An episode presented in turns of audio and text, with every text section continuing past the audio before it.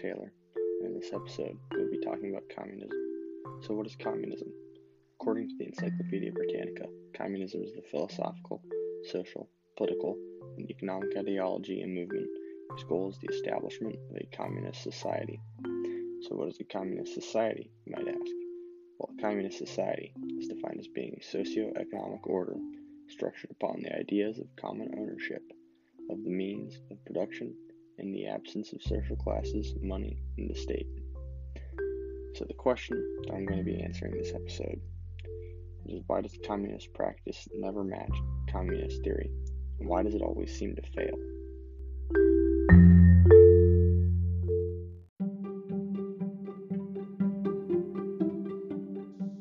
To help answer this question, I did some research some of the most popular and well known examples of communist states in history and why they collapsed, if they have.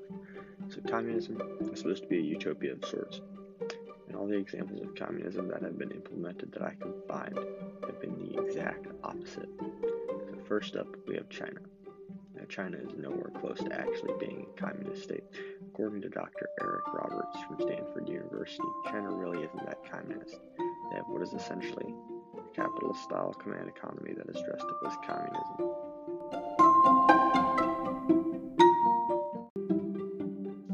The information that I have for Cuba comes from an American history textbook, so take it as you will. So after Fidel Castro and his revolutionaries overthrew an American-backed tyrant, Castro failed to follow through on his promises of turning Cuba into a liberal democracy, and instead decided to model his regime off of that of the Soviet Union, essentially keeping Cuba in the same place it had always been, except now it's friendly towards the USSR instead of the USA. Finally, we have the Soviet Union, or the USSR. The information that I found on the Soviet Union comes from History.com. It focuses heavily on its early history. At its formation under Lenin, it was the closest example to actual communism that I could find. But after Lenin's death, the USSR moved deeper into autocracy. Towards the end of its existence, had essentially transformed into what China is today, which is the capitalistic command economy that is dressed up as communism.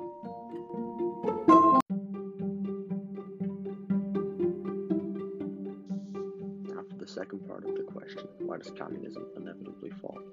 To answer that, I will quote Ilya Somin, a writer for the Washington Post and an economic scholar who lived under communism in the USSR.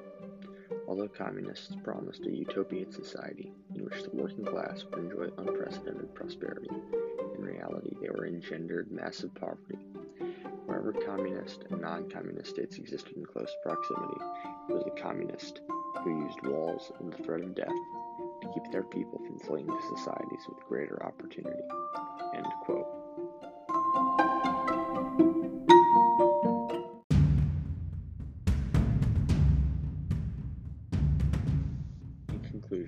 Have found, in regard to the first part of my question, that communist practice never really matches communist theory because the obvious shortcomings of the oppressive and autocratic regimes that use it as their ideological excuse to oppress their people and force their will upon them.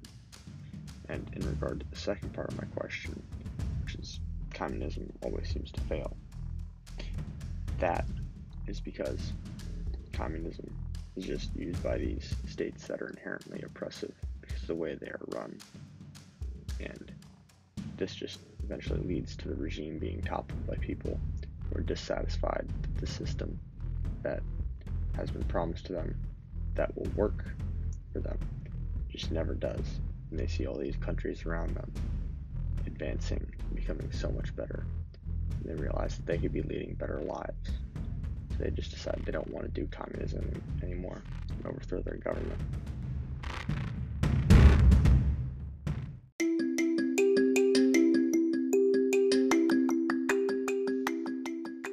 That's all for now. But our next episode is going to cover some very, very exciting stuff. So make sure you listen next time.